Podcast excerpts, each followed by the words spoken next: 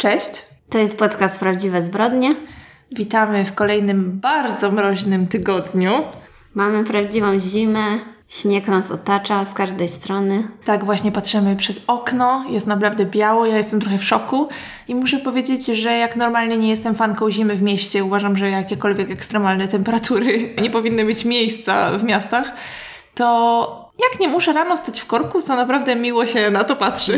No ja też właśnie mam e, moje biurko z komputerem przy takim dość dużym oknie i przez cały dzień widzę biało po prostu za oknem. To jest takie miła odmiana w sumie, bo lepsze jest to niż taka szarówa. Mhm. O tak, zdecydowanie. Zwłaszcza jak nie ma wiatru, to śnieg jest przyjemny. My oczywiście jak przystało na emerytki lubimy sobie pogadać o pogodzie, ale naprawdę właśnie ostatnio szłam do paczkomatu, do sklepu i tak y, właśnie jak napadało i najpierw sobie myślałam, o nie chce mi się wchodzić, ale jak już wyszłam, to tak przyjemnie, to mroźne powietrze, naprawdę... Znaczy, ja przyznam, że nie pamiętam jak się w takiej pogodzie funkcjonuje tak normalnie, bo nie wyobrażam sobie na przykład codziennie ubierać się, żeby jechać autobusem i potem iść do biura. Wyobraź sobie, ile warstw musiałabyś No ściągać.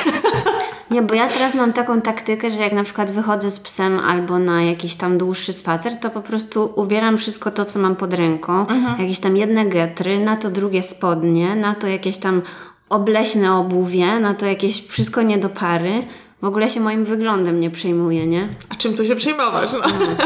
Ale jakbym miała tak iść do ludzi, mm, to by już było ciężej. Ciężko. No ja na pewno pamiętam, jak byłam studentką i napadało i wtedy mieszkaliśmy z chłopakiem, no tak jakby z, za domem, w którym mieszkaliśmy była tabliczka Wrocław przekreślona już jakby No, prawie, no, nie? na obrzeżach. Tak, na obrzeżach, dokładnie. I no mieszkało się tam super, zwłaszcza w lecie, ale właśnie pamiętam jak wtedy napadało i ja szłam tam 2,5 kilometra chyba z pętli, no to przyznam szczerze, że nie było fajnie.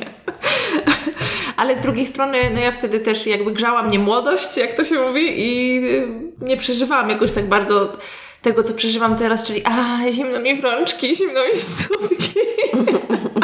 Bo ja jakoś nigdy nie należałam do zmarzluchów, a teraz zdecydowanie się to zmieniło na pewno. Tobie zawsze jest zimno, nie? Tak, tak, zdecydowanie. Moja mama też tak ma, że jest, zawsze jest zimno. Moja mama kocha takie, wiesz, y, takie prawdziwe ciepło. Dla niej jest ciepło, jak jest 30 stopni.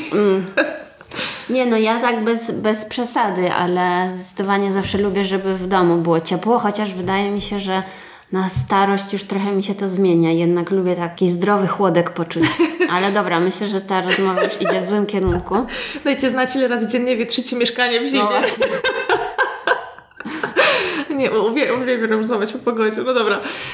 To jak tam ten tydzień? Czy był ekscytujący, czy nie bardzo? Poza śniegiem oczywiście. No właśnie, śnieg tak trochę może rozweselił ten czas, ale do tego czasu to muszę przyznać, że to był jakiś taki bardzo mroczny tydzień. Właśnie nie wiem, co to była, jakaś taka klątwa na nas spadła, na mnie i na mojego chłopaka, że codziennie próbowaliśmy coś obejrzeć y, pod wieczór i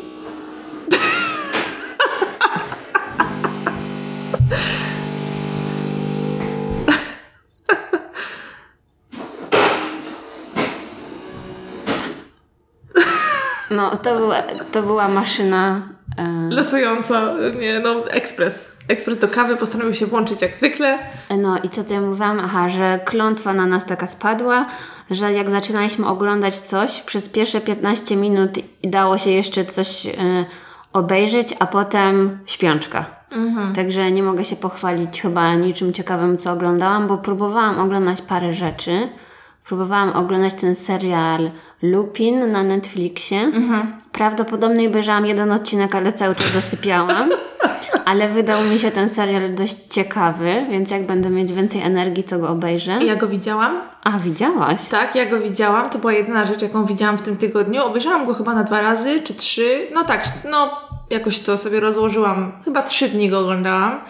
I muszę powiedzieć, że podobał mi się, choć czasami miałam wrażenie, że oglądam, wiesz, CSI Miami. Yy, Aha, że tu to ja zaraz jeszcze będzie przybliż, przybliż, przybliż.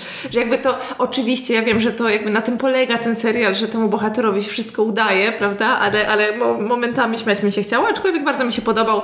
Uważam, że aktor grający główną rolę jest super. Naprawdę uważam, że można obejrzeć. No. A poza tym bardziej mi się udało obejrzeć e, Night Stalkera.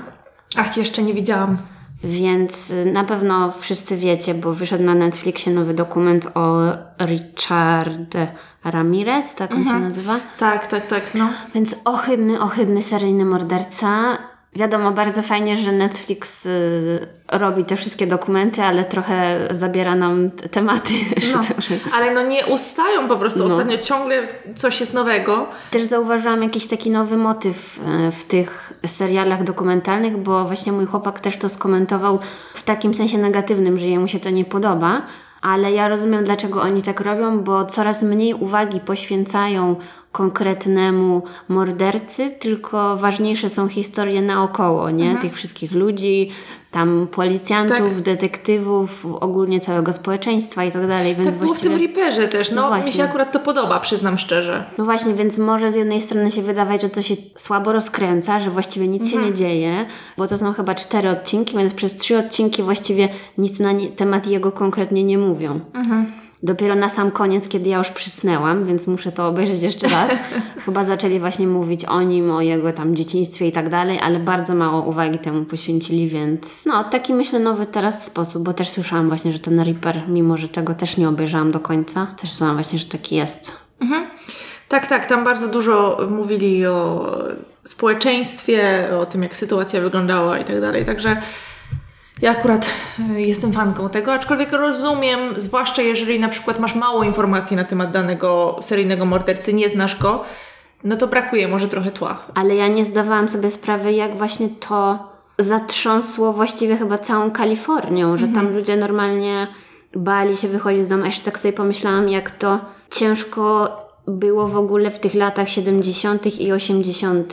mieszkać w domu. Bo ja sobie nie wyobrażam, żeby teraz na blokowiskach grasował seryjny morderca, no bo wiadomo, że w bloku jest jakby tyle ludzi, wszyscy słyszą, co się dzieje i ktoś pewnie by kogoś zobaczył, usłyszał i tak dalej. A jak wszyscy mieszkali w takich małych domkach, oddalonych od siebie, no to nie wiadomo, w którym momencie ktoś ci przez okno wejdzie. To jest masakra. No nie no, na pewno teraz jest łatwiej ująć sprawcę, no to bez dwóch zdań. Nie no, pomijając internet i to wszystko, to wiesz, że właściwie, że masz tych sąsiadów wokół siebie, to jest trochę spoko. No, ja nie wiem, czy bym chciała mieszkać w jakimś domku na skraju lasu, mimo to, że pewnie byłoby pięknie, to pewnie bym się bała. No. Naprawdę. No ja niestety nie mam już e, nic więcej, co widziałam w tym tygodniu. E, a ty coś jeszcze próbowałaś przed drzemką, przed spaniem?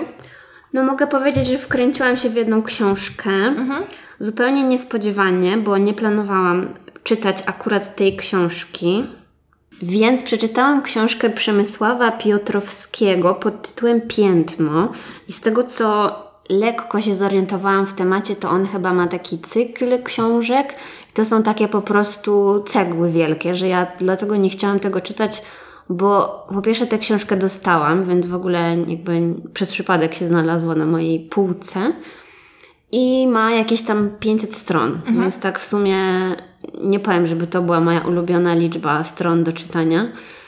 Ale tak stwierdziłam, No, długo czekasz na rozwiązanie, nie? no, no, no. Ale stwierdziłam, a dobra, bo to wszystko dlatego, że czytałam jakąś inną książkę na Kindlu po angielsku, jakąś tam w miarę nowoczesną, popularną książkę i ciężko mi wchodziła.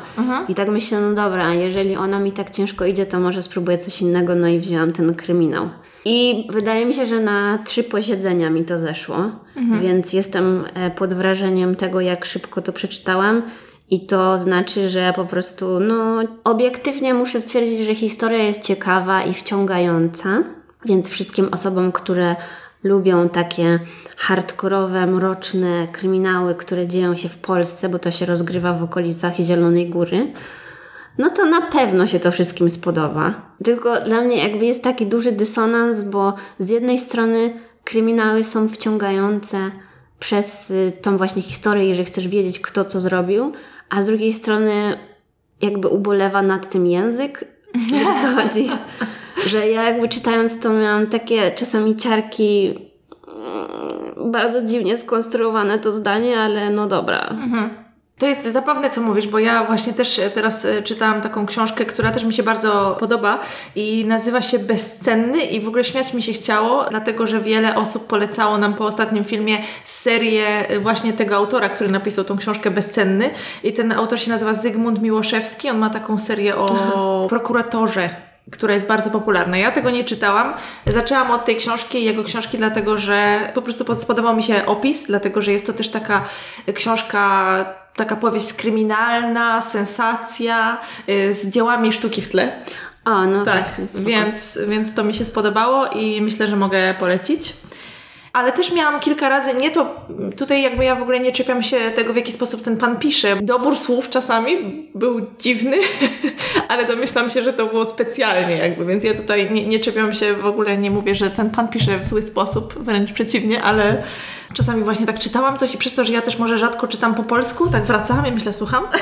No właśnie, ja też się zastanawiam, bo ostatnie kilka książek, jakie czytałam, to po angielsku i zupełnie inaczej się te jakoś tak słowa, nie, przyjmuje. Może. Więc jak się czyta po polsku, to jednak no, chyba jest wyżej postawiona poprzeczka dla autora, ale to jest w sumie oczywiste. To znaczy, ja myślę, że też jest wyżej poprzeczka dla mnie postawiona, dlatego że no, ja kiedyś czytałam po polsku dużo, dużo więcej i mam wrażenie, że moje słownictwo niesamowicie zubożało, odkąd przestałam czytać, czy w ogóle konsumować jakiekolwiek treści po polsku, szczerze mówiąc.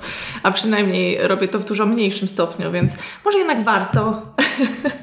No, poza tym jakimiś artykułami w gazecie coś poczytać. No, także jak widzicie, nasz y, challenge czytania książek od nowego roku idzie bardzo dobrze. Mhm.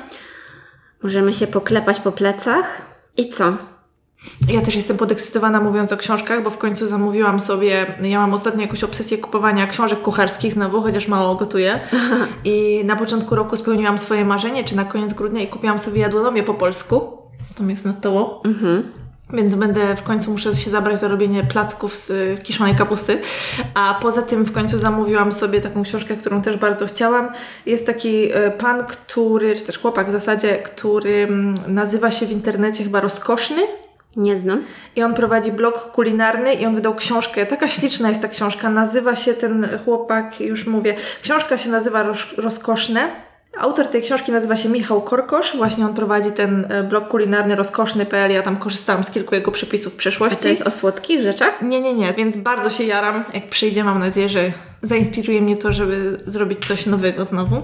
Ostatnio robiłam fetę pieczoną, także to nie jest żaden skomplikowany przepis. Dużo osób go ma, ale właśnie on też ma przepis na to. A jest to oczywiście książka wegetariańska, jakby co. No, to było na tyle.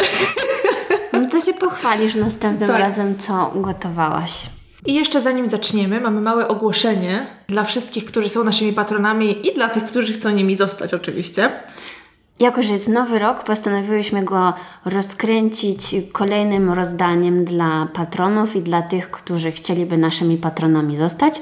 Więc tym razem przygotowałyśmy inne nagrody, bo w pierwszej edycji robiliśmy koszulki, z którymi miałyśmy strasznie dużo zamieszania. Tak, ciężko jest zrobić nadruk dobrej jakości, ja Wam powiem. Mamy kilka takich, które wyszły brzydko, więc to, była, to była zabawa. Tak, więc tym razem zdecydowałyśmy się na coś trochę prostszego, czyli przygotujemy kubeczki. Mhm. Kubeczki z naszym logo. Tak, zwłaszcza, że w przeszłości jak pytałyśmy się, jakie gadżety byście chcieli, to właśnie większość osób mówiła, że kubki z jakiegoś powodu, więc znaczy ja to rozumiem, ja też lubię kubki, więc postanowiłyśmy, że tym razem tak zrobimy. Wylosujemy znowu trzy osoby i będzie to 31 stycznia. Tak, więc jeżeli jeszcze nie jesteście naszymi patronami i nie wiecie o co chodzi, to jak zwykle link znajdziecie w opisie do tego odcinka i wszystkie inne rzeczy też tam opiszemy. Tak. No my zazwyczaj wspominamy o Patronite na koniec odcinka, ale stwierdziliśmy, że nie chcemy, żeby ktoś potem powiedział, że nie słyszał o naszym konkursie, więc... I to by było na tyle, jeżeli chodzi o dzisiejsze ogłoszenia. I zaczynamy. No ja słyszałam, oczywiście nie wiem dokładnie, ale słyszałam, że Karolina chyba przygotowała coś, co Was dzisiaj wszystkich bardzo podekscytuje.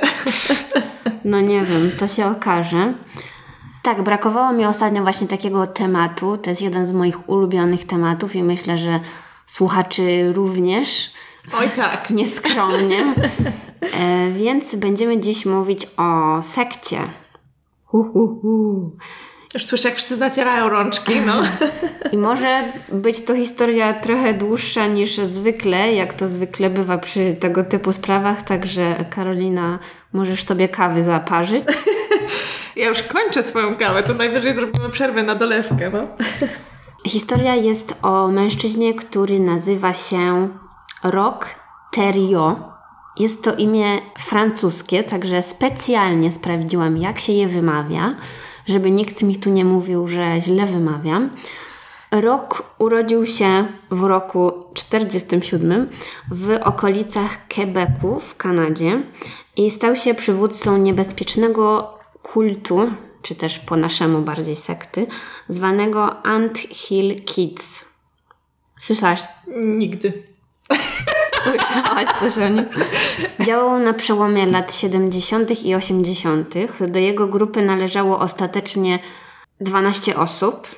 W większości były to kobiety, z którymi utrzymywał seksualne stosunki oraz 28 dzieci, które sam spłodził. Także jak widzicie, historia jest bardzo podobna do wielu innych tego typu historii, bo wiadomo, że sekty wyrastały jak grzyby po deszczu w drugiej połowie XX wieku. Ale początki Rocka były dość niepozorne, bo pochodził z rodziny francuskojęzycznej, wychował się w miasteczku Thetford Mines, położonym w południowo-centralnej części Quebecu. Jego rodzina była biedna, a on od dziecka opisywany był jako charyzmatyczny i inteligentny. Skończył 7 klas szkoły podstawowej i to było maksimum, które mógł tam osiągnąć w swojej lokalnej szkole. A jego rodzina należała do ruchu kościoła rzymskokatolickiego zwanego pielgrzymami świętego Michała. Inaczej mówili na nich białe berety. I właśnie w takim białym nakryciu głowy mieli w zwyczaju chodzić od domu do domu i rozdawać ulotki dotyczące ich religii. I ogólnym założeniem pielgrzymów świętego Michała była bardziej sprawiedliwa struktura klasowa, rozwiązanie potężnych banków, czyli taki niby antykapitalizm jeszcze jak na tamte czasy. Ale Rock Theriot niechętnie brał udział w nawracaniu przypadkowych ludzi i raczej nie był przekonany do tego ruchu religijnego, w ogóle był antykatolikiem przez to jego wychowanie. Tak czy inaczej, był wychowany mocno w wierze, co sprawiło, że chciał tą wiedzę na temat religii pogłębić i studiował Biblię, a w szczególności Stary Testament, więc. Mm. Nie zapowiada się dobrze, no. Na początku lat 70. Rock Theriot miał już żonę i dwójkę dzieci. Nie miał pieniędzy, nie miał pracy, a do tego nabawił się problemów zdrowotnych. Podobno jakoś tam przebył operację wrzodu żołądka, przez co miał problemy z trawieniem i dolegliwości bólowe cały czas. Więc w tej trudnej sytuacji jeszcze bardziej zagłębił się w czytanie o religii i o medycynie. I tak trafił na protestancki kościół adwentystów Dnia Siódmego, do którego dołączył. I kościół ten promował wegetariańskie jedzenie, zdrowy tryb życia, wolny od używek i nieczystości, więc bardzo właściwie modnie jak na nasze czasy, więc byli takimi chyba prekursorami. Łącząc swoje przekonania z nauką tego kościoła, wierzył, że zbliża się koniec świata i że nadejdzie wojna między dobrem a złem.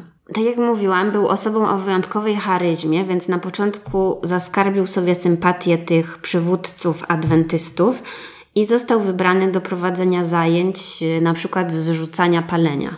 Bo oni właśnie mieli jakieś taki, takie silne przekonania właśnie, że nie wolno palić papierosów i pić alkoholu i tak dalej, więc chyba wiele osób chciało z tym nałogiem się rozstać. To musieli być bardzo popularni w styczniu zawsze.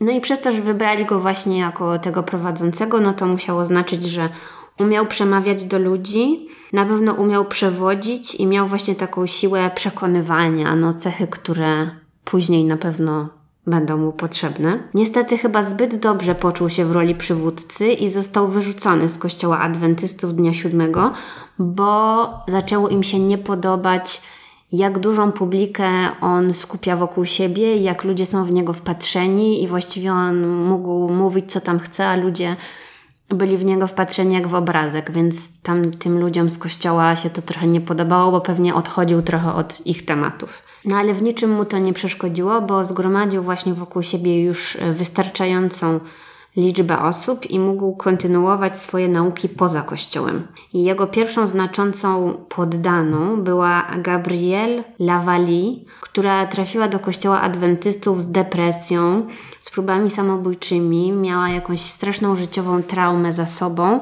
i szukała swojego miejsca na ziemi. Czyli znowu tutaj też taki motyw osób, które były w bardzo trudnej sytuacji i uciekały w stronę religii, żeby jakoś y, pomóc sobie odnaleźć się w życiu. Takie po prostu słabsze jednostki, jak to się mówi hamsko. Więc właśnie takie osoby było najłatwiej zmanipulować, żeby dołączyły do sekty, chociaż wtedy to wiadomo nie była jeszcze sekta.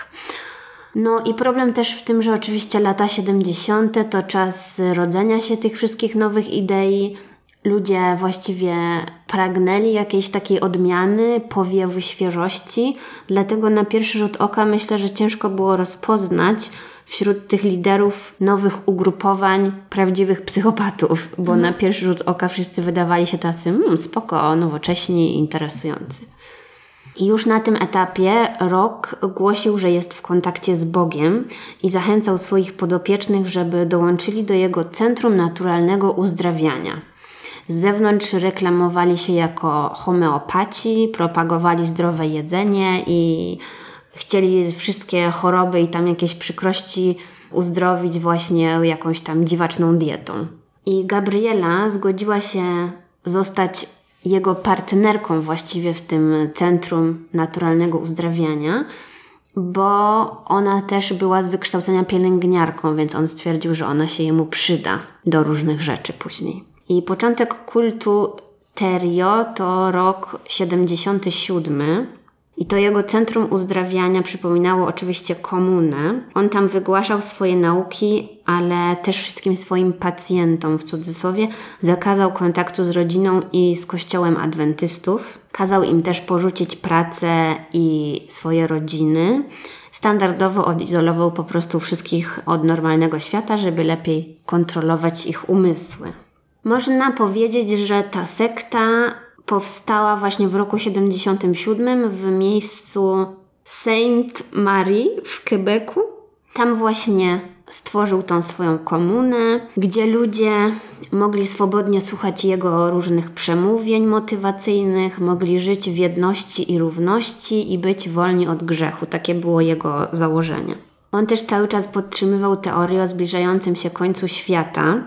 Mówił, że Bóg powiedział mu, że koniec świata nadejdzie 17 lutego 79 roku i wszystko to, co ten rok głosił, miało tych ludzi lepiej przygotować do końca świata. I jeżeli oni będą posłuszni, to przeżyją tę apokalipsę i zostaną jedynymi ludźmi na Ziemi i odbudują na nowo świat. Rozumiem, że on będzie ojcem wszystkich dzieci. Mhm. Częścią tego planu była przeprowadzka komuny, to było w 1978 roku, w głąb lasu, na totalne odludzie, gdzieś tam na jakimś półwyspie w Kanadzie, oddalonym od wszystkiego, gdzie było bardzo mało ludzi wokoło. Ich nowy dom miał e, znajdować się na szczycie wzgórza. Do tej pory miał ze sobą dziewięć kobiet, czterech mężczyzn i kilkoro dzieci. I kazał tym wszystkim osobom budować dla nich dom, a sam siedział, wydawał rozkazy i się im przyglądał. I stąd właśnie wzięła się nazwa Ant Hill Kids, bo stwierdził, że pracują jak e, mrówki. Więc bardzo, bardzo miły. A on był tą e, królową mrówek. Na miejsce przybyli na początku lipca, więc jeszcze było ciepło. E, spali w namiotach i cały czas budowali dom z bali zgodnie z rozporządzeniami Roka. Mieli pobudkę o 5 rano, nie mieli właściwie jedzenia, musieli cały czas budować ten dom i przy okazji martwić się o zorganizowanie jakiegoś jedzenia na kolację. I podobno ci ludzie byli 24 godziny na dobę głodni, zmęczeni, w ogóle wiesz, pozbawieni snu i tak dalej. Więc nawet nie zwrócili uwagi na to, jak Terio się zmienia, bo wiadomo, po prostu nie myśleli trzeźwo, więc to też jest Mieli ważniejsze rzeczy do roboty, jak głód na przykład, prawda? No. tak, i właśnie to też w wielu sektach, i jak tam eksperci od sekt się wypowiadają, to właśnie, żeby ludzi złamać, trzeba najpierw ich złamać fizycznie, a dopiero potem można ich łamać psychicznie. Więc jeżeli pozbawi się ludzi snu, jedzenia i tak dalej, to oni będą tak wykończeni, że będą robić wszystko, co im się każe, bo nie będą mieli energii na to, żeby użyć jakby swojego mózgu, nie? Więc to, to właśnie on robił. Jego poglądy właśnie wtedy zaczęły być coraz bardziej ekstremalne, bo wieczorami prowadził kazania na przykład o zepsutej naturze społeczeństwa, o tym, jakie złe są konwencjonalne rodziny. Kazał im wszystkim opowiadać najbardziej traumatyczne historie z dzieciństwa i pokazywał im, że za wszystko winni są ich rodzice a że on jest właśnie ten dobry, więc no znowu chciał im pokazać, że cały ten świat, który do tej pory znali, jest zły, a dzięki temu, że są z nim, no to będzie lepiej, nie? Po miesiącu ten ich dom z Bali był gotowy, a z okazji tej celebracji Terio nadał swoim poddanym biblijne imiona i ich symbolicznie ochrzcił. Czyli to była taka jego arka nowego. Może tak, no. Sam oczywiście nazwał się Mojżeszem i poza tym wszystkim kazał przestrzegać ścisłej diety. E, jedli praktycznie tylko surowe warzywa, które sami wyhodowali, więc na pewno zbyt dużo tych warzyw nie mieli.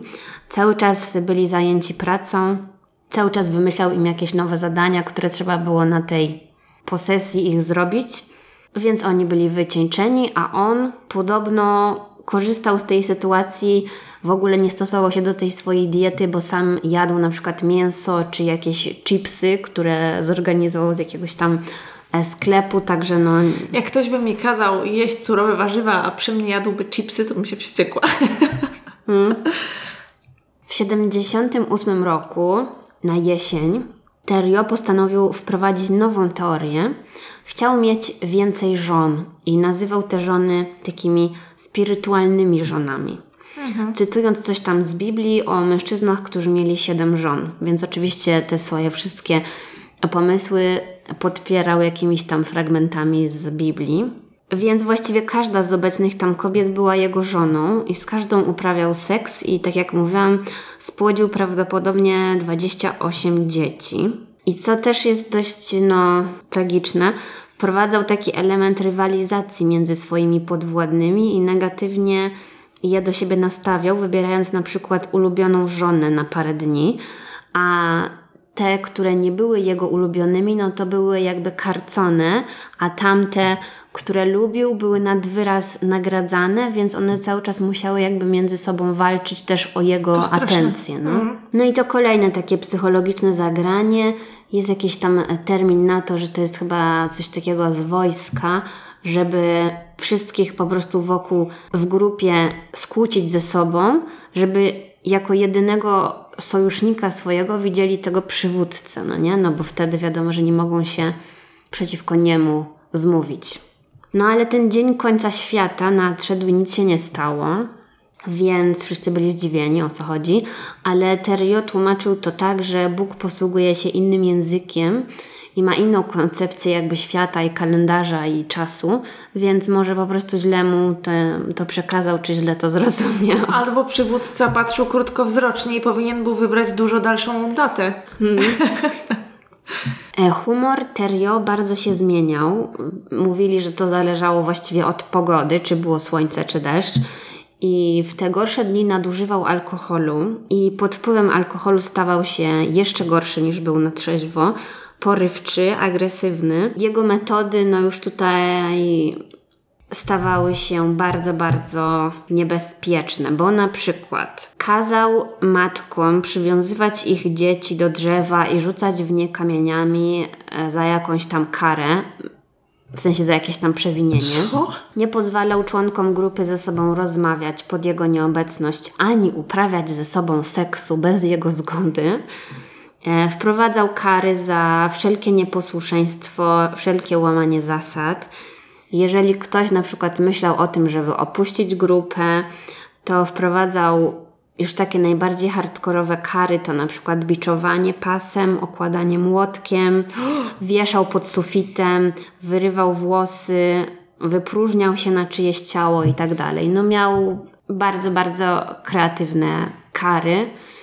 No i ta cała grupa musiała jakoś zarabiać na życie, więc kobietom kazał prowadzić piekarnię, a reszcie dorabiać w pobliskim miasteczku. A jeżeli ktoś nie wykonywał swoich zadań i nie dostarczał pieniędzy, no to też oczywiście był karany. No i takie zachowanie agresywne na pewno udzielało się innym, i tak doszło do pierwszej śmierci w tej komunie. Była to śmierć dwuletniego chłopca Samuela, który 23 marca 81 roku, więc już jesteśmy trochę lat do przodu, ten e, chłopczyk został zostawiony pod opieką mężczyzny, który nazywał się Guy Veer i on był pacjentem szpitala psychiatrycznego. Cierpiał na depresję i dołączył do grupy Terio. Więc on miał to dziecko pod swoją opieką, kiedy oni poszli coś tam robić. I to dziecko strasznie płakało. Ten mężczyzna zdenerwował się i uderzył to dziecko pięć razy, żeby je ukarać za płakanie. W następnych dniach ten mały Samuel nie mógł jeść ani siedzieć. Po dwóch dniach zauważono, że dziecko ma jakąś dużą gulę na penisie, przez co nie może sikać, a że Terio uważał się za lekarza i uzdrowiciela, który ma niesłychane moce, postanowił przeprowadzić operację na tym dziecku.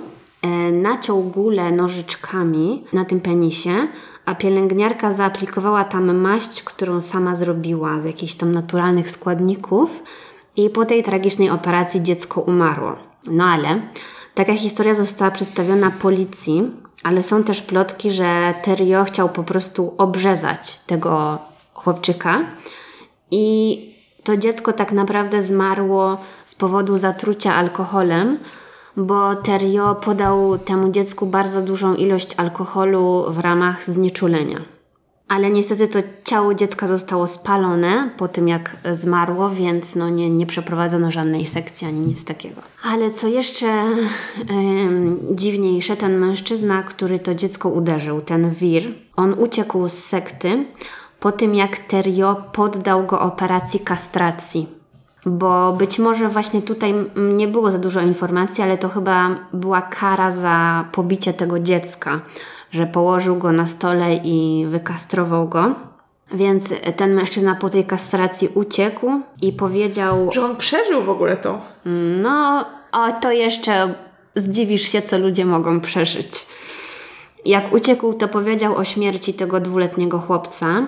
Potem policja zrobiła nalot na komunę i aresztowała Terio i rodziców tego dziecka, bo ci rodzice też tam jakby byli i no, też właściwie byli współwinni temu wszystkiemu. I to jest tragiczne, że Terio spędził dwa lata w więzieniu za przyczynienie się do śmierci dziecka i za kastrację tego mężczyzny. Tylko dwa lata. Nakazem sądu komuna miała się rozejść po prostu, ale przez cały ten czas udało mu się kontrolować swoich poddanych przez telefon, będąc w więzieniu. Obiecywał im, że wróci, że będą zbawieni, mówił, że ich kocha, że będzie zachowywać się lepiej, jak wyjdzie z więzienia i tak dalej. Że nie będzie już nikogo kastrował? Aha, i że są gotowi, żeby przejść na kolejny poziom i tak dalej. No i wszyscy właściwie przy nim pozostali. Po wyjściu z więzienia te 12 osób e, wciąż jemu poddanych i Terio przenieśli się na 200-akrowy teren za Burnt River w Ontario, więc zmienili zupełnie swoją lokalizację. To było jeszcze większe odludzie. Nie dało się ich w ogóle odnaleźć jadąc gdzieś tam z zewnątrz. To było tak otoczone takim pustym lasem czy jakimiś takimi polami, że byli totalnie, już totalnie odizolowani od społeczeństwa, od cywilizacji i tak dalej, więc znowu musieli zbudować dla siebie dom, hodować warzywa i wszystko po prostu zrobili od początku. Ale zachowanie Terio, niespodzianka, nie polepszyło się i podzielił sobie swoich podwładnych na dwie grupy. I jedna grupa była lepsza, którą bardziej lubił, i druga grupa była gorsza, która, wiadomo, obrywała im się cały czas. Gabriela, ta pielęgniarka, o której mówiłam na początku, ona należała do tej gorszej grupy. Co? No. Ona urodziła mu dwójkę dzieci w trakcie tego pobytu, bo to już mamy jakoś rok 85, więc już dużo czasu minęło. W tym czasie miała dwójkę dzieci, ale Terio nie pozwalał jej się tymi dziećmi zajmować. Zabrał jej te dzieci po urodzeniu i oddał do tych lepszych kobiet. I ona nie miała w ogóle z tymi swoimi dziećmi kontaktu. I mamy 85 rok styczeń, Kanada, mroźna zima i to dziecko Gabrieli płakało, kiedy było pod opieką tej innej grupy. Więc Terio kazał wystawić to pięciomiesięczne dziecko na dwór, żeby dostało karę za płakanie. Oczywiście temperatura była minusowa. Kilka godzin później, jak e, jakaś tam kobieta poszła po to dziecko, to ono już nie żyło. No i jak policja e, dowiedziała się o tym, to powiedzieli, że to był po prostu przypadek śmierci łóżeczkowej, bo ono miało 5 miesięcy, więc Mhm, teore- teoretycznie byłoby to możliwe. No i policja w to uwierzyła i nikt e, nie został za to skazany. Oczywiście to było zaniedbanie bardzo duże ze strony policji, ale też gdzieś widziałam, że oni niby mieli jakieś tam podejrzenia co do tej całej e, grupy, ale że oni byli zarejestrowani jako kościół, to policja za bardzo nie mogła ani tam zrobić nalotu, ani osób dorosłych jakoś tak ukarać czy coś, bo nie mieli na to żadnych dowodów. Jakby to uniemożliwiało prowadzenie jakiegoś śledztwa przez to, że oni byli zarejestrowani jako kościół, nie wiem. Prasa się też interesowała nimi, e, czasami ich odwiedzali jacyś dziennikarze, i wtedy zachowywali się wszyscy perfekcyjnie, pokazywali, jaką są zgraną ekipą, że mają swoje warzywa, że są samowystarczalni, szczęśliwi. I tutaj jeszcze raz trzeba przypomnieć, że Terio był urodzonym aktorem, potrafił zabawiać ludzi tymi swoimi historiami, swoimi bajerami, tą całą jego filozofią. I ta charyzma po prostu jego potrafiła wyciągnąć go z każdej sytuacji, potrafił każdą osobę jakoś tak omotać. Więc nawet y, to potem y, do tego jeszcze dojdę, ale nawet był badany na przykład przez jakichś tam super wykwalifikowanych psychiatrów i potrafił tak ich zmanipulować, że oni potem mówili: Nie, to jest bardzo dobry człowiek, on jest taki super wierzący, on chce pomagać ludziom. Hmm, no tak, tak, właśnie. Najbardziej tym dzieciom co je na mróz wystawia. A pod koniec 85 roku opieka społeczna dostała informację, że w domu Terio występuje przemoc wobec dzieci.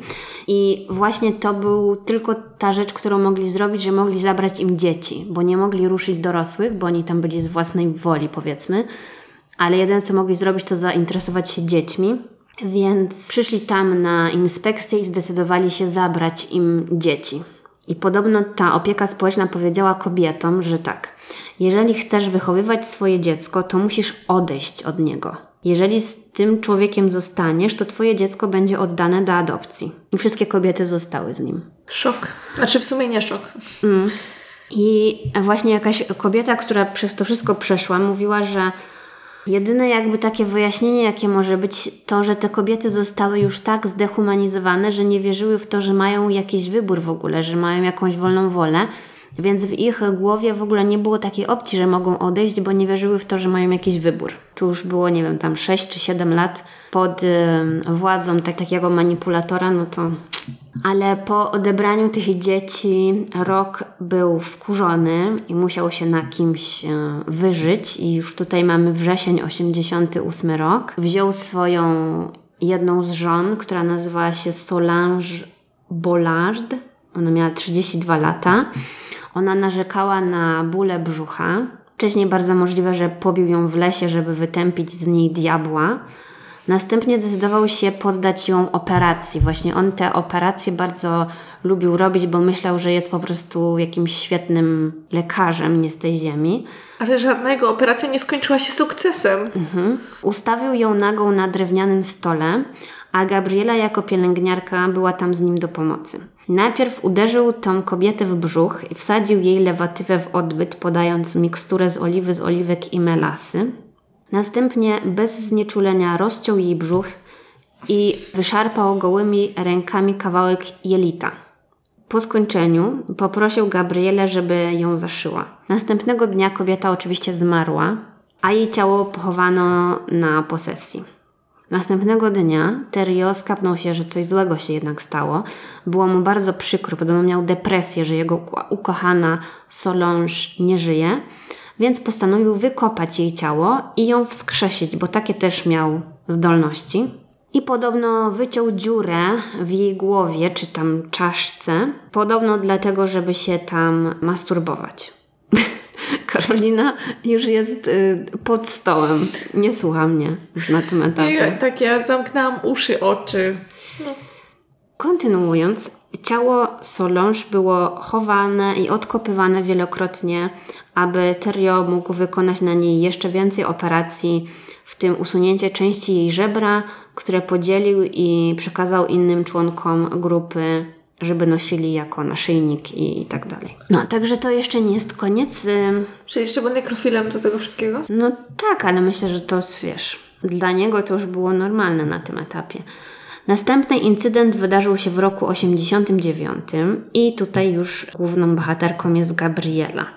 Ta pielęgniarka, o której mówiłam od początku. Tym razem ona padła ofiarą swojego pana.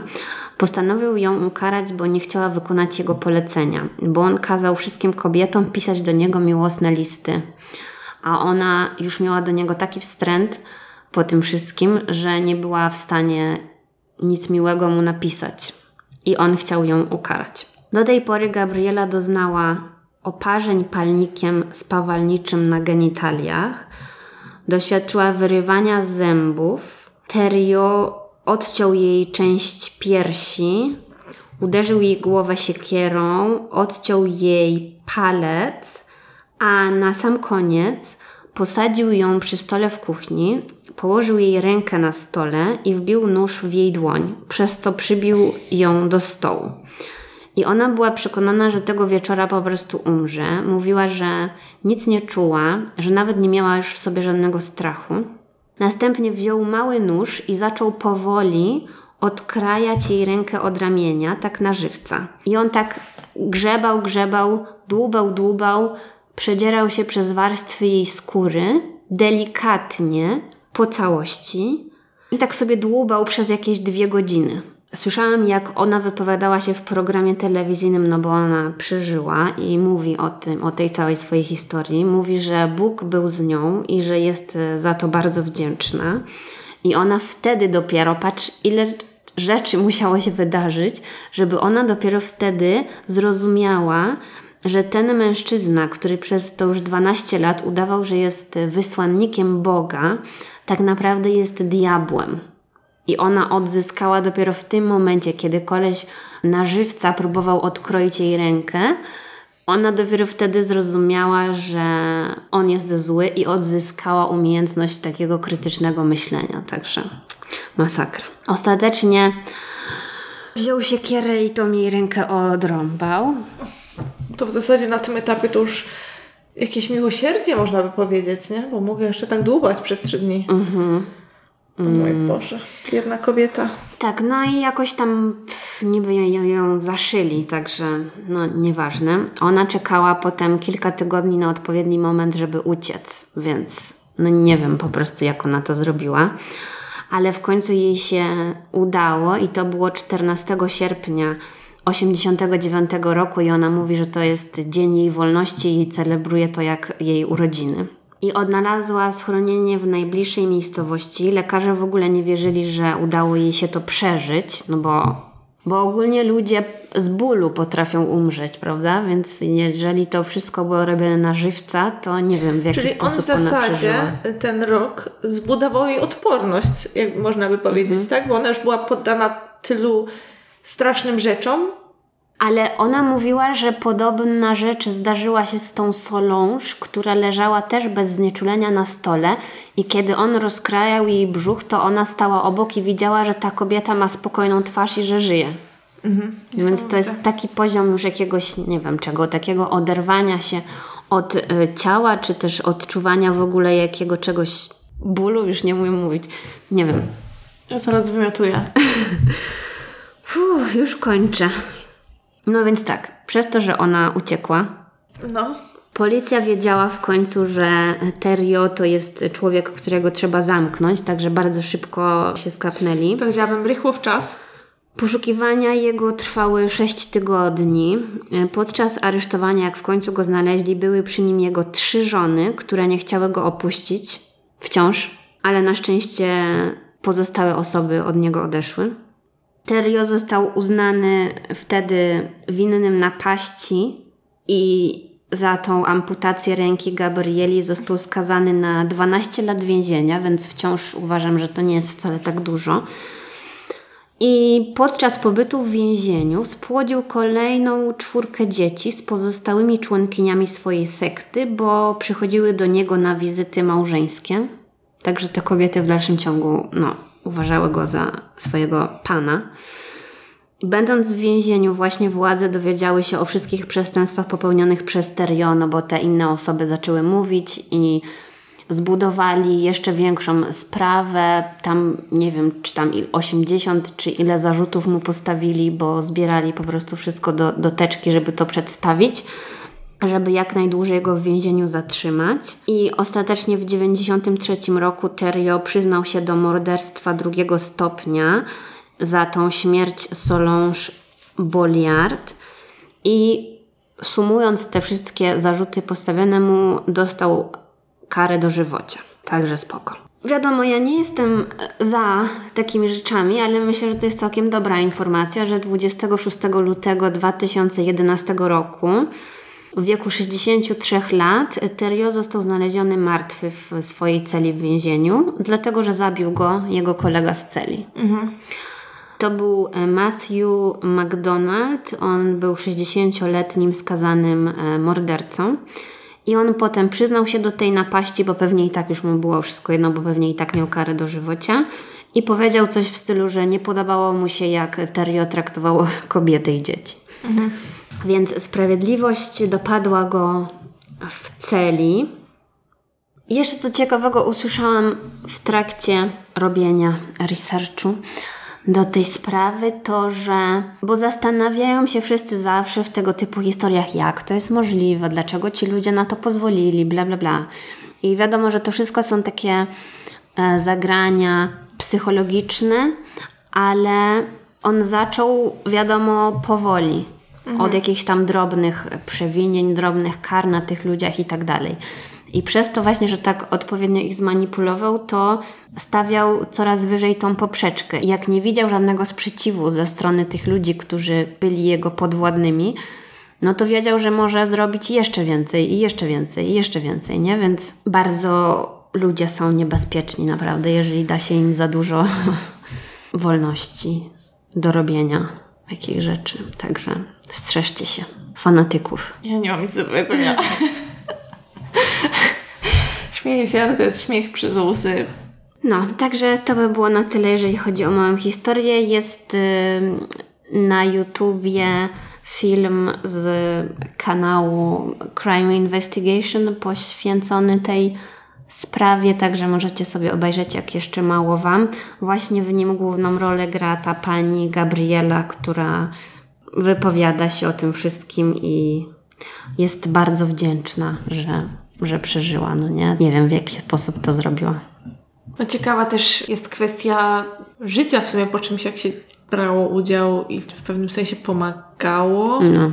no bo przecież on z nią to zaczął, a potem ona uczestniczyła w tych wszystkich okropnościach. Znaczy wiem, że też była jakby zmanipulowana, przerażona i, i w ogóle, ale potem jak już otrzeźwiała, to też musi być straszny ciężar. No, na pewno. Musiałyśmy sobie zrobić chwilę przerwy, żeby ochłonąć. tak, ja dolałam sobie jakiejś herbatki uspokajającej. Ja nie będę miała żadnych tragicznych, graficznych opisów. Ja mam historię z serii moich ulubionych, czyli Dziwne relacje.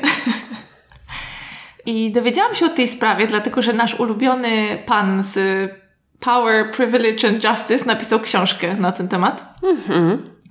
A nie pamiętam, jak ją znalazłam. Szukałam chyba jakichś takich um, spraw w stylu co się właściwie stało. O, na, na takiej zasadzie. Mhm.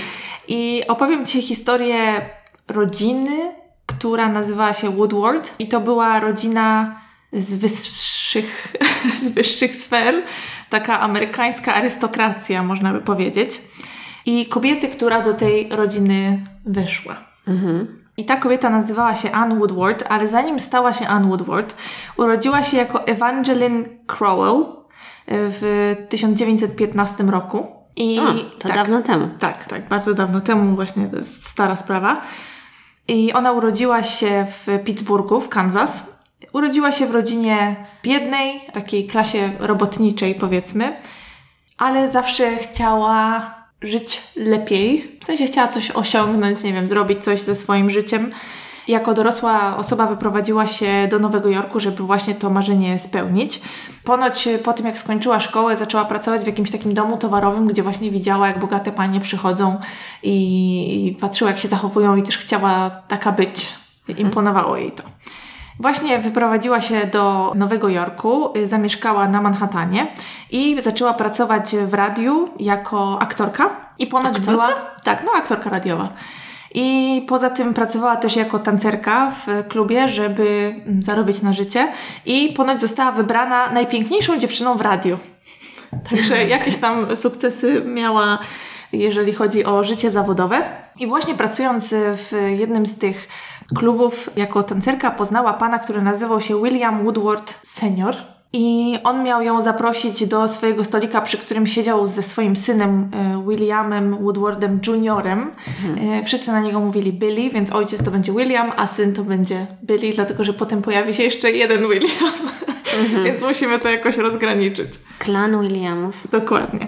No i to byli ludzie bardzo zamożni. Ten William senior był jakimś bankierem, y, miał też konie jakieś tam super, wiesz, drogie, wspaniałe i nie wiadomo co jeszcze. Więc y, no, to byli ludzie z takiej najwyższej klasy możliwej. Żona tego pana Williama nazywała się Elsie. Była taką prawdziwą nowojorską arystokratką, gdzieś tam wysoko urodzona, pochodząca z bardzo dobrej rodziny i dbała o to, żeby wszystko w tej ich rodzinie, wiesz, było jak trzeba. No i ponoć panu Williamowi Ann się spodobała. Bo w ogóle tak, Ann zmieniła swoje imię z Evangeline na Ann właśnie po tym, jak przeprowadziła się do Nowego Jorku i chciała rozkręcić jakoś e, swoją karierę i postanowiła zmienić swoje imię na Ann Eden, bo tak miała na drugie, z tego co pamiętam. Czyli zmieniła i imię, i nazwisko, można by powiedzieć. Poznała właśnie tego pana Williama. No i on tam chyba gdzieś ją zaczął zapraszać. Ciężko stwierdzić, na czym dokładnie ta ich relacja e, polegała. No i William miał syna Billego, który, no mimo to, że pochodził z takiej bardzo bogatej e, rodziny, to chyba średnio mu szło z kobietami w życiu, z tego co rozumiem. No i właśnie za sugestią ojca, e, jak to mówił nasz pan Dominik z Pride, Privilege, nie, Power, przepraszam, Privilege and Justice, postanowił zaprosić Ann na randkę. No i Ann tak mu się spodobała, prawdopodobnie dlatego, że była inna od tych wszystkich, wiesz, society girls, że y, spotykali się tak i zaczęli być parą. Co bardzo nie spodobało się matce Billego, jak możesz sobie wyobrazić. I w pewnym momencie on miał iść do wojska, co było w 1942 roku bodajże, i postanowił oświadczyć się Ann.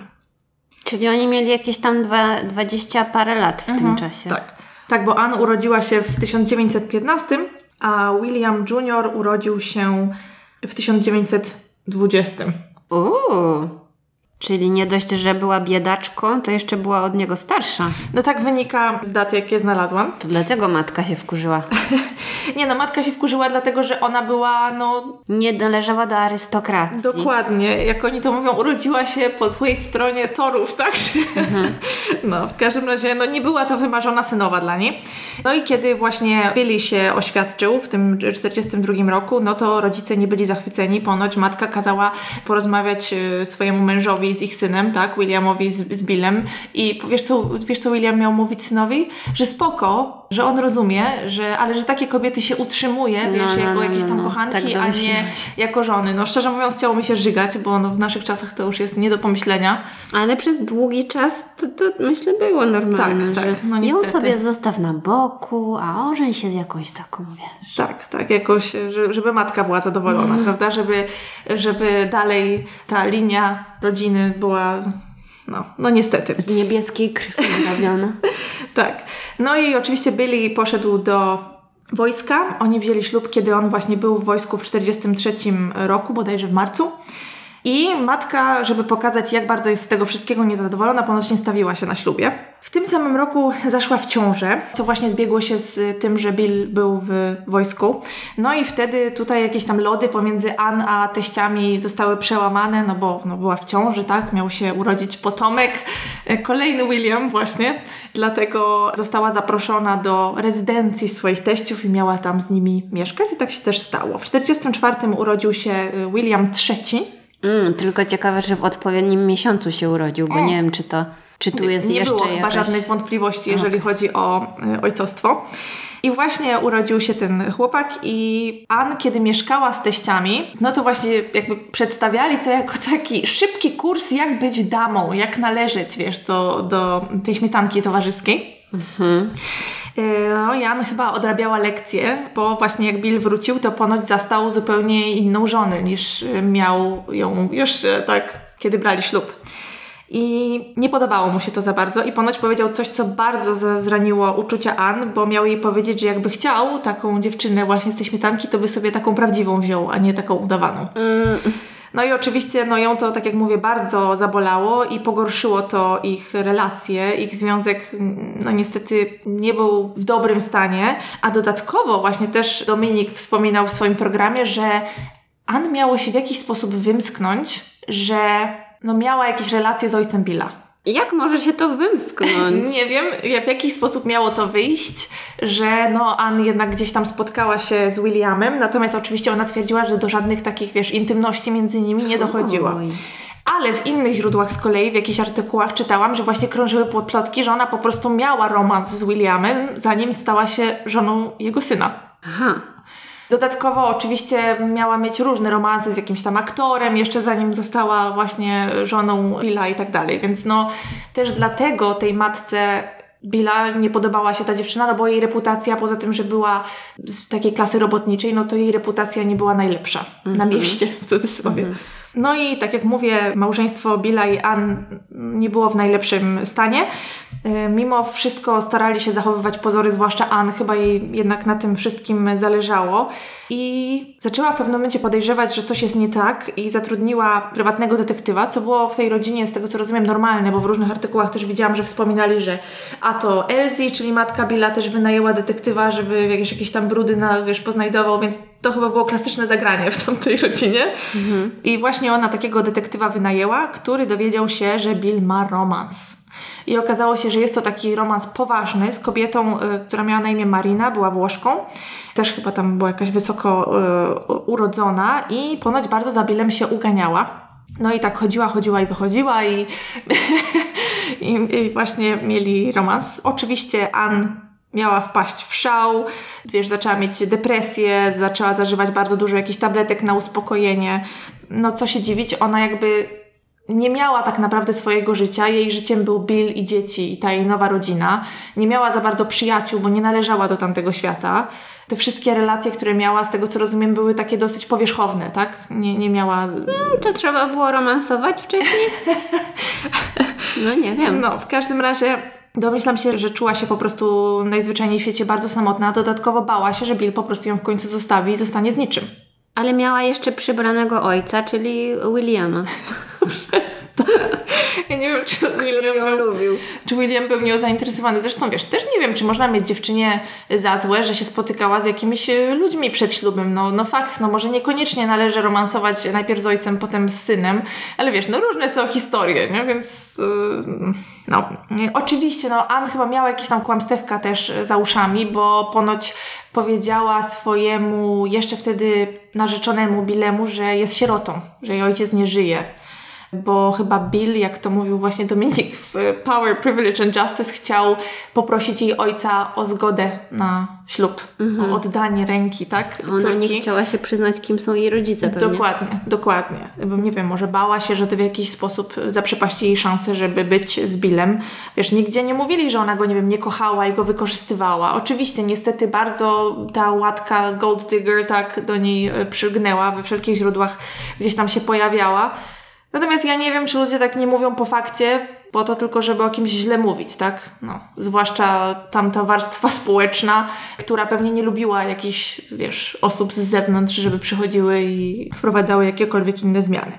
No i też wspominano, że próbowała Billa przy sobie utrzymać seksem, bo on mimo wszystko, że miał tam jakieś y, różne panie na boku i właśnie tą kochankę, z którą miał y, taki no, normalny romans, regularny, tą Marinę, no to gdzieś tam do żony cały czas wracał, a dowodem na to jest chociażby ich drugi syn, który urodził się w 1947 roku i ten syn, z tego co pamiętam, miał na imię James. To też było jakieś rodowe imię, bo jak patrzyłam na artykuły na Wikipedii o tej rodzinie, to chyba James to był dziadek Billa. W pewnym momencie przestali mieszkać już z rodziną Billa i zakupili sobie dwie posiadłości. Jedną na Manhattanie, oczywiście Upper East Side, wiadomo, a drugą na Long Island, też wśród jakichś takich pięknych, wiesz, innych bogatych e, posiadłości. Ann zaczęła wyprawiać bardzo dużo przyjęć, spotkań.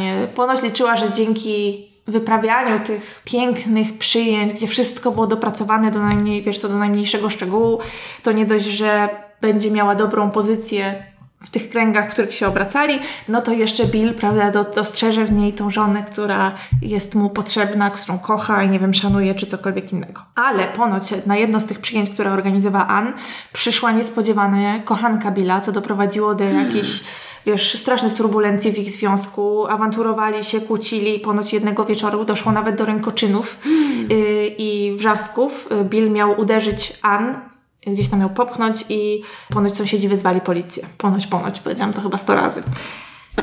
Bill w pewnym momencie stwierdził, że ma tego wszystkiego dosyć, odchodzi do, wiesz, do kochanki, będzie tego już. Stwierdził, że y, składa pozew o rozwód. No, ale niestety w tamtych czasach, w tamtych kręgach, no rozwód, no to mm -hmm. chyba nie bardzo, prawda? To by pozostawiło taką skazę na historii rodziny. Zwłaszcza, że Ann nie, wiesz, nie miała zamiaru odchodzić spokojnie. Mhm. I zaczęła stawiać jakieś dziwne warunki, y, chciała jakichś chorych pieniędzy, jak na tamte czasy, to też wspominali, że chyba ona chciała dwóch milionów dolarów, co wtedy było jakimiś, nie, wiesz, niewyobrażalnymi pieniędzmi, zresztą no, dla nas nadal są, więc... I absolutnie nie godziła się na to, żeby rozwieść się z Billem. No i tutaj chyba jednak ta kwestia skazy na historii rodziny wygrała, bo Bill postanowił wrócić do domu. No i znowu zaczęło im się układać e, dobrze, pogodzili się. Zdarzyło się też w pewnym momencie coś, co połączyło ich jeszcze bardziej, w sensie poprawiło ich relacje, dlatego że kiedy umarł ojciec Billego, to Bill oczywiście odziedziczył po nim różne rzeczy, w tym odziedziczył również y, posiadłość, na której była stajnia i konie.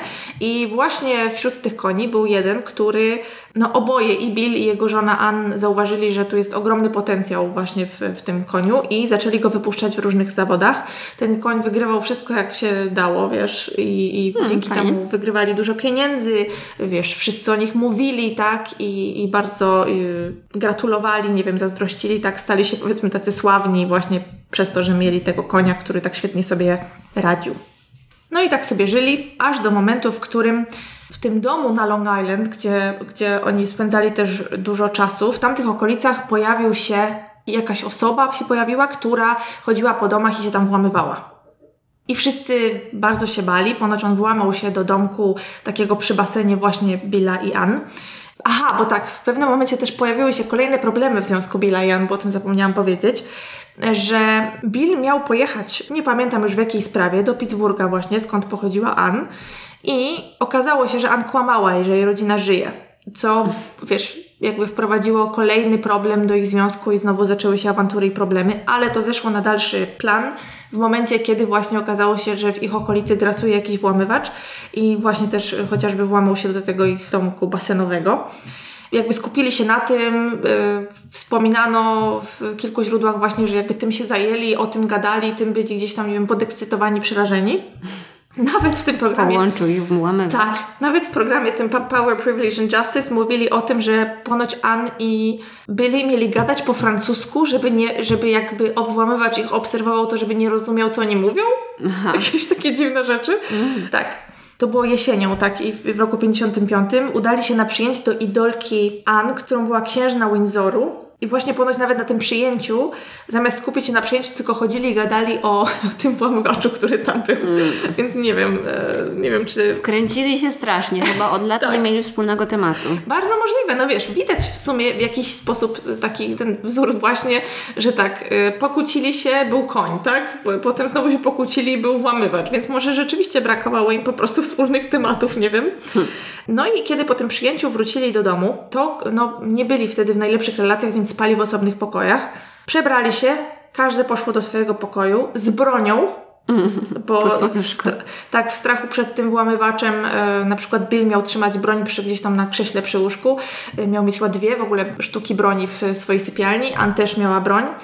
I poszli spać, aż Ann przebudziła się, jakiś dźwięk ją przebudził około drugiej w nocy otworzyła drzwi, chwyciła broń, otworzyła drzwi i zobaczyła jakąś figurę, tam wiesz, postać, w sensie figurę, postać e, gdzieś w ciemnościach na korytarzu i oddała dwa strzały. W... A, okej, okay, tak. już wiem, do czego mm -hmm, to mhm, zmierza. Mm -hmm, tak, w obawie przed tym, że jest to włamywacz. Jasne. No i właśnie policja otrzymała tamtej nocy telefon, czy tamtego ranka już w zasadzie, y, od Ann, która mówiła, że zastrzeliła swojego męża. Ona o, jakby nie zaprzeczała temu, że to zrobiła. Kiedy policja przyjechała na miejsce, zastała Billa leżącego nagiego w korytarzu właśnie z dwoma ranami postrzałowymi. W ogóle Ann była w histerii, leżała na tym ciele, wiesz, nie można było, w ogóle jakby nie docierało do niej, co się dzieje, tylko coraz powtarzała, że to ona go zabiła, to ona zrobiła i że była pewna, że to ten włamywacz. No, ale policja nie do końca jej wierzyła w to, co ona mówi, bo w domu były też dzieci, była też służba, więc dziwnym byłoby, żeby ona na oślep zaczynała strzelać. Ale z drugiej strony, kiedy do Ann wezwali jakąś tam osobę, już nie pamiętam, czy to była pielęgniarka, z powodu jej roztrzęsienia, tak? No to się okazało, że Ann po prostu ma tam cały, wiesz, aptekę ma w zasadzie u siebie w domu tyle różnych leków przyjmuje, że była w bardzo złym stanie psychicznym i no możliwe, że wpadła w jakąś, nie wiem, paranoję, że wyrwana z tego snu, w tym całym stresie, w którym żyła, pod wpływem tego, no nie wiem, ciężko było stwierdzić, tak? No ale policji ewidentnie nie wszystko tam się zgadzało.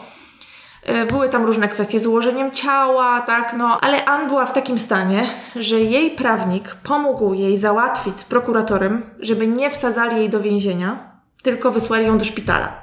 Oczywiście jakiegoś, wiesz, super drogiego, prywatnego szpitala na Manhattanie. I ona tam siedziała przez następne trzy tygodnie, do momentu, kiedy musiała stawić się przed ławą przysięgłych bo postanowiono właśnie, że ława przysięgłych rozstrzygnie tą sprawę i stwierdzą, czy ona jest rzeczywiście winna, czy niewinna, czy co się tam w zasadzie stało. Bo to, że ona postrzeliła męża, nie było żadnych wątpliwości, tak? No tylko kwestia tego, czy to rzeczywiście był przypadek, czy ona zrobiła to z premedytacją. Gazety y, po, bardzo szybko podłapały y, ten temat, zaczęto się rozpisywać. Y, ludzie z tej śmietanki towarzyskiej wieszali psy na N. Wiesz, kobiety tam ją ostro obgadywały, mm, nie zostawili na niej suchej nitki.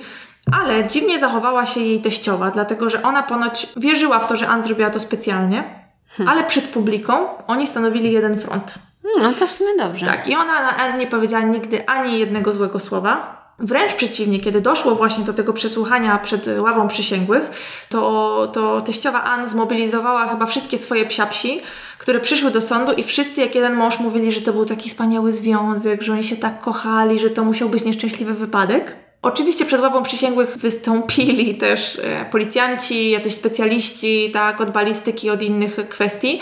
I sama Ann, która no ponoć wyglądała bardzo źle, jakby się zestarzała, wiesz, miliard lat przez ten cały czas. Była rozhistoryzowana, roztrzęsiona, jak opowiadała, natomiast jakby jej wersja wydarzeń się w ogóle nie zmieniała, była cały czas taka sama, wyszła, strzeliła, zobaczyła, co zrobiła. Ale jeszcze w międzyczasie Kilka dni po tym, jak doszło do tej strzelaniny i Bill zginął, złapano w końcu tego mężczyznę, który grasował mhm. po domach na Long Island. I on na początku nie przyznawał się oczywiście do niczego, potem stwierdził, że tak, owszem, właził tam, włamywał się do domu i przyznał też się na przykład do włamania do tego domku basenowego Woodwardów. I to by było na tyle. Twierdził, że tamtej nocy nie był w tamtym domu. Ale też właśnie w tym programie Power, Privilege and Justice wspominają, że policjant, który mówił po niemiecku, bo ten włamywacz był imigrantem z Niemiec, powiedział mu, no stary, tutaj kobieta, tak, jej życie leży na szali, my mamy dowody przeciwko tobie, że tam chodziłeś po tych domach, no przyznaj się w końcu. No i on rzeczywiście powiedział, że tak tamtej nocy był w domu Woodwardów, że wspiął się na pierwsze piętro i wszedł przez otwarte drzwi po jakimś drzewie, ale kiedy usłyszał strzały, to uciekł. Więc w zasadzie Anne rzeczywiście mogła słyszeć jakieś dźwięki niepokojące, które ją obudziły, a to, że jej mąż też wtedy wstał, to mógł być po prostu nieszczęśliwy zbieg okoliczności. No, Aczkolwiek ludzie z ich otoczenia twierdzili, że Ann po prostu chciała, nie wiem, pieniędzy, nie chciała, żeby Bill odszedł, czy cokolwiek innego. Mimo to, że teściowa Ann, tak jak mówię, prawdopodobnie twierdziła, że ona z premedytacją zabiła jej syna, no to jakby pozwoliła jej otrzymać bez żadnych awantur tą część spadku, która się należała Ann po mężu, czyli domy, też rentę, tak, do końca życia. czyli została uniewinniona. Tak, tak, tak. Zapomniałam tylko powiedzieć, tak, została uniewinniona, przepraszam.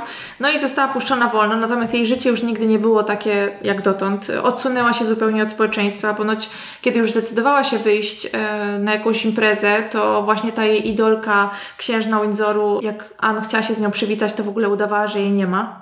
I od tamtej pory jej życie, wiesz, towarzyskie jakby się skończyło, ona zupełnie się od niego odsunęła. No, to fajnie, że ma taki problem. No w sensie, właśnie. wiesz... Ale to nie jest koniec. Historia tej rodzi- rodziny jest naprawdę tragiczna, bo tak, mamy martwego Billa, mamy mar- jego ojciec też umarł tam kilka lat wcześniej e, na serce bodajże. No i w pewnym momencie jakby naprawdę bardzo dużo osób żyło tą historią. Chciano się dowiedzieć, co się stało. Więc rozpisywało się na ten temat wiele osób, wiele gazet. Ludzie bardzo o tym rozmawiali, plotkowali. I w pewnym momencie Truman Capote, którego chyba kojarzymy wszyscy, e, wydał, czy też miał wydać w gazecie, która się nazywa Esquire, właśnie historię inspirowaną historią Anne. A, właśnie dlatego Tak. mi się wydawało, że ja to kojarzę. Chyba było właśnie o tym w tym filmie, który widziałam, jego takim biograficznym. Mhm, tak. I kiedy Anne się o tym dowiedziała, to przygotowała się, przyszykowała się, ładnie się ubrała i zażyła cyjanek.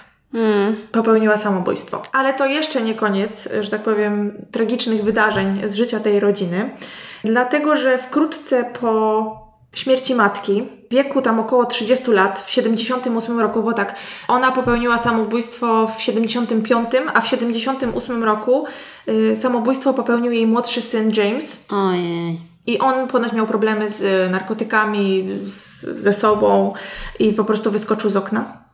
Sporo później, A co z tym jeszcze jednym Williamem? tak właśnie, właśnie, i teraz ch- chcę o nim powiedzieć. I sporo później to samo stało się z, ze starszym synem Ann i Billa, Williamem, na którego wszyscy mówili Woody, bo on w 99 roku, kiedy miał 54 lata, również y, wyskoczył z okna, popełniając samobójstwo.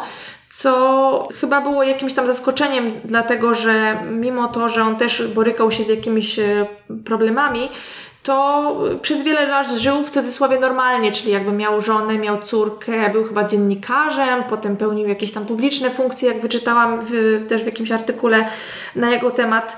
I, i właśnie tam też była jakaś wypowiedź e, jego znajomych, że to było zaskoczenie, ale nie do końca było zaskoczenie, w sensie, że on gdzieś tam jednak chyba borykał się z, e, właśnie z tym ciężkim, tragicznym życiem, jakie miał. I właśnie Truman na przykład nadał Ann taki przydomek, bo Truman był pewien, że Ann popełniła tą zbrodnię jakby z premedytacją, y, bo dał jej przydomek Bang Bang.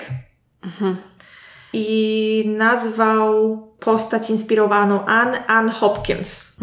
I tak opisywał ją jako morderczynię i bigamistkę. Także bardzo, bardzo przykra historia tej całej rodziny. Jedyną osobą, która wyszła z tego wszystkiego fizycznie, bez szwanku, była matka Bilego.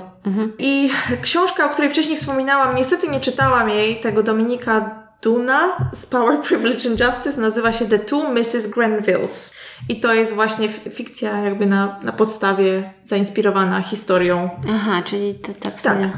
tak. I na tej podstawie też post, powstał jakiś serial telewizyjny, także Trochę mi to zalatuje też tą sprawą e, związaną ze schodami, nie? The staircase.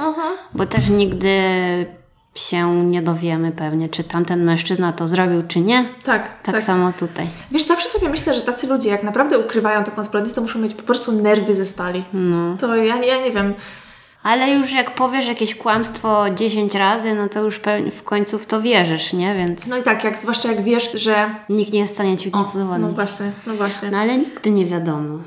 E, Jeszcze na temat tej sprawy wiem, że jest jeden odcinek programu dokumentalnego, chyba tam Crime to Remember to się nazywa.